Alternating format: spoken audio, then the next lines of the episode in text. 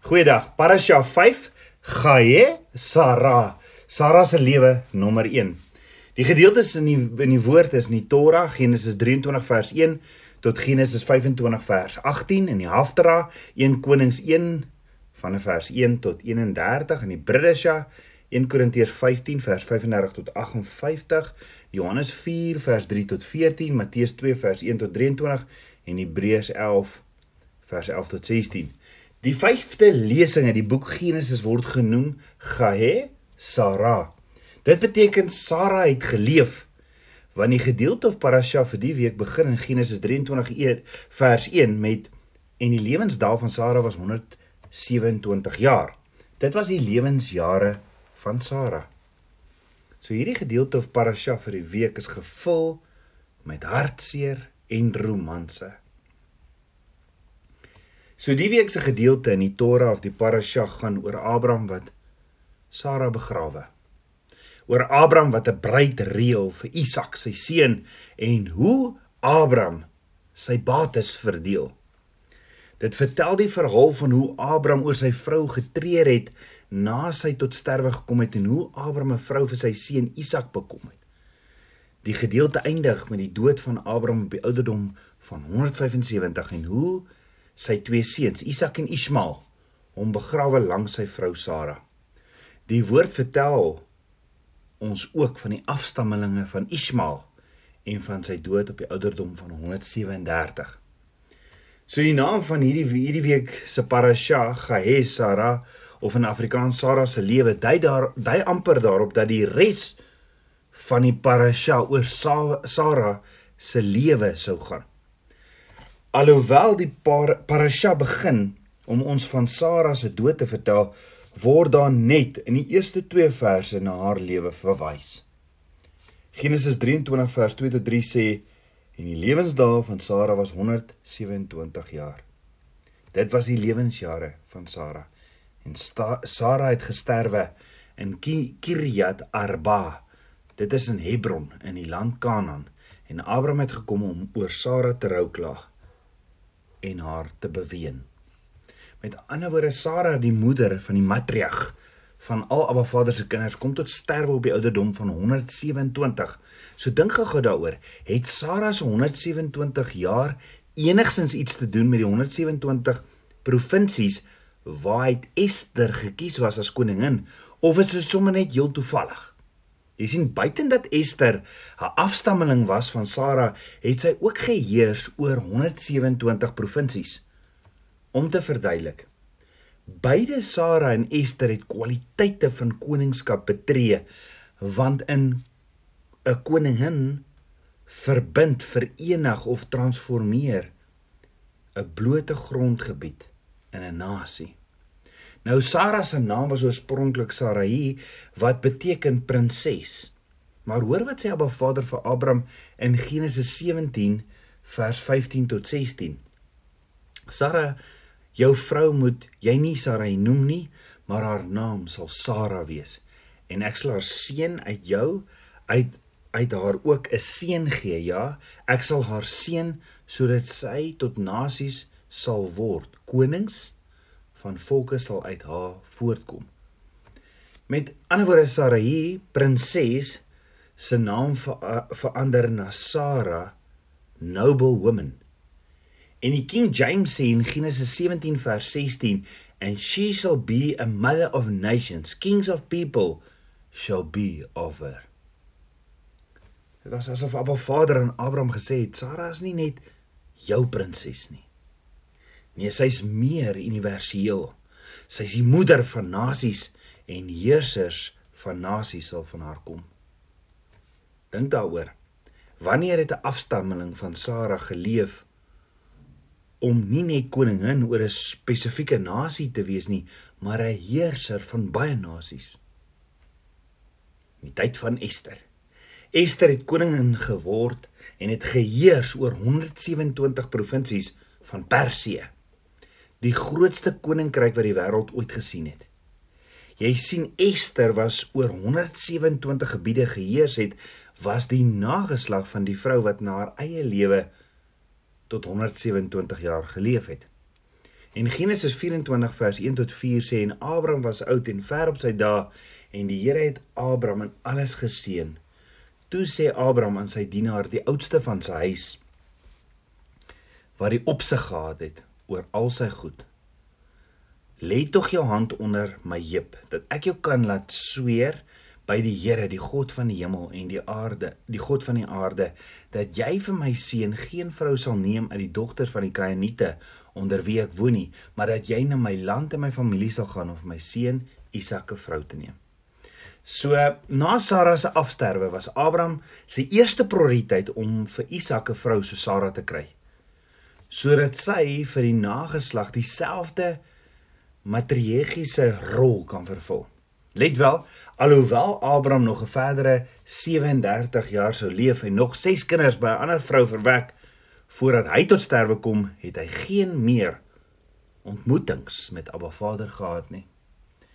Abraham het egter nog een opdrag gehad en dit was om 'n geskikte bruid vir sy seun Isak te vind. Dit is een ding wat ons dat ons opdragte ontvang en ervarings met Abba Vader het, maar daar is ook 'n verpligting om hierdie ervarings oor te gee sodat die volgende geslag met en in hierdie lig sal wandel. Met ander woorde die waardes en waarhede wat Abraham ontvang het, moes vir sy nageslag beskikbaar wees want hy bou 'n nasie. So hier op Sara se sterfbed onthou Abraham weer die belofte wat Abba Vader aan hom gemaak het en besef hy dat hy die aflosstokkie aan sy nageslag moet aangee. Daarom moet Isak 'n vrou kry. Dit sou ook 'n vrou, 'n Spreuke 31 vrou so Sara moes wees, iemand wat die volgende matriarg van die volk sou wees. So ons weet in die Bybelse tyd of die Hebreëse huwelik moes die bruidegom se vader die bruid kies. En so die vader gewoonlik ook 'n vriend gehad wat hom bygestaan het in die keuse van 'n bruid vir sy seun. En so het Eliezer, Abraham se vriend en mees betroubare werker, Abraham bygestaan. Eliezer, wie se naam beteken my God is hulp. En siende dat Abraham oud was, het Abraham Eliezer na Mesopotamië gestuur om 'n bruid vir Isak namens hom te kies. Abraham het in Kanaan gewoon en wou nie dat Isak met 'n Kainitiese vrou trou nie omdat die Kainiete vals gode aanbid het. Abraham stuur toe ook nie vir Isak saam met Eliezer om 'n vrou te gaan soek nie omdat Abraham nog in 'n rouproses is na Sara se afsterwe en wou nie sonder sy seun Isak wees nie. Met ander woorde, die boer soek 'n vrou maar sonder die boer. Maar Abraham se hartsbegeerte was dat Isak 'n regverdige vrou moet trou wat hom sal help om om getrou te bly aan sy lewende God, Abba Vader en wie hul kinders die waarheid sal leer. Net so ja. Net so het Abba Vader hartsbegeerte vir 'n bruid vir 'n bruid vir sy seun Yeshua. So Eliezer moet 'n bruid gaan kies vir Isak, die seun van die belofte. Ja, onthou Isak was die belofte van Abba Vader vir Abraham en Sara. Met ander woorde Isak was die seun wat beloof is. Net so is Yeshua die seun van die belofte wat 'n bruid gaan kom haal. En ons word dan die bruid van die seun van die belofte. Ons weet Eliezer het ingestem om te gaan en het 10 kamele gelaai met geskenke en het 724 km plus minus ver gereis om daar te kom. En toe hy daar aankom, sê Genesis 24 vers 12 tot 14 en hy die kamele laat neerkniel buitekant die stad by 'n put teen die aand, teen die tyd dat die vroue uitgaan om water te skep en Eliezer het gebid. Here God van Abraham, My Heer, laat ek haar tog vandag ontmoet. En bewys guns aan Abraham, my Heer. Hier staan ek by die fontein terwyl die dogters van die manne van die stad uitkom om water te skep. Laat dit nou tog gebeur. As die dogter aan wie ek sal sê, hou tog jou kruik dat ek kan drink, antwoord, drink ek, sal ook u kamele laat drink dan is sy dit wat u bestem het vir die knegg Isak. En daaraan sal ek weet dat u guns aan my Heer bewys het. So dink gou daaroor. Waar het Eliezer geleer om so te bid? Want dis bold. Eliezer kom net in Mesopotamië aan na oor die 700 km. Daar waar Abba Vader vir Abraham gevra het om te leg lega, waar Abba Vader vir Abraham gevra het om sy vader se huis en sy geboorteland te verlaat. En Eliezer kom net daar aan en vra vir Abba Vader, laat hy vandag nog Isak se vrou ontmoet. En hy vra vir 'n teken dat hy die regte vrou kan kies vir Isak. En hy vra vir Abba Vader, as hy vir een van die vroue vra of hy bietjie water kan drink, dan sal sy antwoord ja en dan sal sy sommer ook vra of sy sommer die kamele, die 10 kamele ook water kan gee. Het Eliezer dalk geleer om so te bid deur te sê hoe Abraham se verhouding met Abba Vader was? En het Abraham se intieme verhouding met Abba Vader dalk so 'n bietjie afgesmeer aan Eliezer?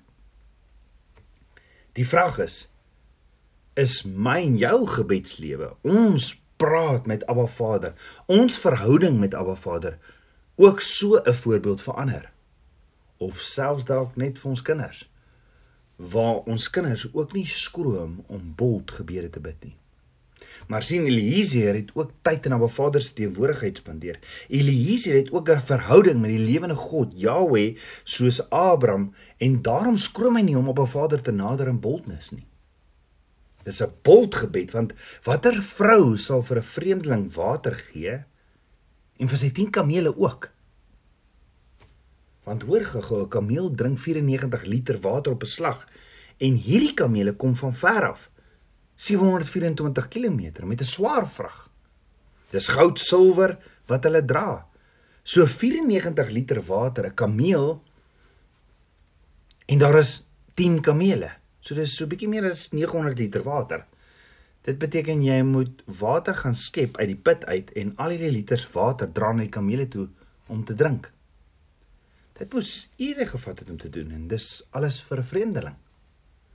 Eliezer het nog nie eers klaar gebid nie en Genesis 24 vers 15 tot 20 sê daar kom Rebekka uit wat vir Beteel die seun van Milka die vrou van Nahor Abraham se broer gebore is met haar kruik op haar skouer. En die dogter was baie mooi van aansien 'n jong meisie en geen man het haar beken nie. En sy het afgedwaal na die fontein en haar kruik vol gemaak en weer opgekom. Toe loop die dienaar haar tegemoet en sê Laat my tog 'n bietjie water uit jou kruik drink en sy antwoord: Drink my heer. Daarop laat sy gou haar kruik op haar hand afsak en laat hom drink. Nadat sy hom genoeg laat drink het, sê sy: Ek sal vir u kamele ook skep totdat hulle genoeg gedrink het. Dadelik het sy toe haar kruik in die drinkbak leeg gemaak en weer na die put geloop om te skep en vir al sy kamele geskep. Nou kan jy dink hoe het Eliezer se gesig gehang. Kan jy dink hoe sy oë gepop? Presies dit wat Eliezer van haar vader gevra het, gebeur reg voor sy oë. Rebekka, beeldskoon, sy's van die regte familie, familie van Abraham, 'n maagd en sy doen al die. Wow, wat 'n wat 'n goddelike afspraak. Divine appointment. Jy sien, as ons op 'n Vader vra vir hulp en is in sy wil, sal die onmoontlike moontlik word. Die vraag is, is my en jou verhouding so intiem met Abba Vader dat ons so met hom kan praat soos Eliezer of voel jy jou gebede is gebede teen 'n plafon vas? Is my en jou verhouding so met Abba Vader dat maak nie saak waar en voor wie nie ons sal op die grond neerval soos Eliezer en Abba Vader se wil vra. Jy sien wanneer ek in verbond is met Abba Vader en ek spreek sy waarheid, sy wil as ek bid en ek bid in Yeshua se naam, dan bring dit glorie vir Abba Vader want ek erken hom as die soewereine gesag, die bron van alle autoriteit en gee my vryheid want die waarheid wat ek ken maak my vry sê Yeshua. Dit gee my vryheid. Let wel gebed is nie net om op 'n Vader te smeek en te sê Vader kom kom sorg hierdie probleme in my lewe uit nie of Nee, gebed is waar ek my omstandighede agterlaat en ek hom nader om sy wil vir my lewe te soek en dan myself te onderwerp tot Abba Vader se wil. Want sien Abba Vader verklaar sy wil vir my lewe in 'n plekkie van intimiteit, in 'n plek van verhouding, in 'n plek waar ek by sy voete gaan neerbuig in nederigheid en waar ek leer om te luister na wat hy vir my wil sê. Waar my aanbidding soos 'n soet geur vir hom is. Dis 'n plek van intimiteit waar hy sy drome en gedagtes vir my openbaar en waar ek sê soos Yeshua, laat U wil geskied, Abba. Laat U wil geskied. Dis 'n gebed wat wat in totale geloof gebid word. So hoekom nie nou soos Eliezer, Abba Vader nader in geloof vir sy wil in jou lewe? Of in watter situasie jy ook vandag bevind nie? Hoekom nie Abba Vader bold nader nie? Kom ons bid saam. Abba Vader, koning van my hart, ek loof en prys U. Vader, my gebed vandag is is vir my en elkeen vandag wat hierdie gebed hoor vir 'n dieper, dieper verhouding, 'n intieme verhouding met U want want ek weet U wil is dat ons U ken in alles. U hartsbegeerte is ons elkeen se harte 'n bruid vir u seun Yeshua. Vader, hier is my hart. Meer en meer van u. Ek bid dit alles in Yeshua se Yeshua Messie se naam, die seun van Jahweh. Shalom.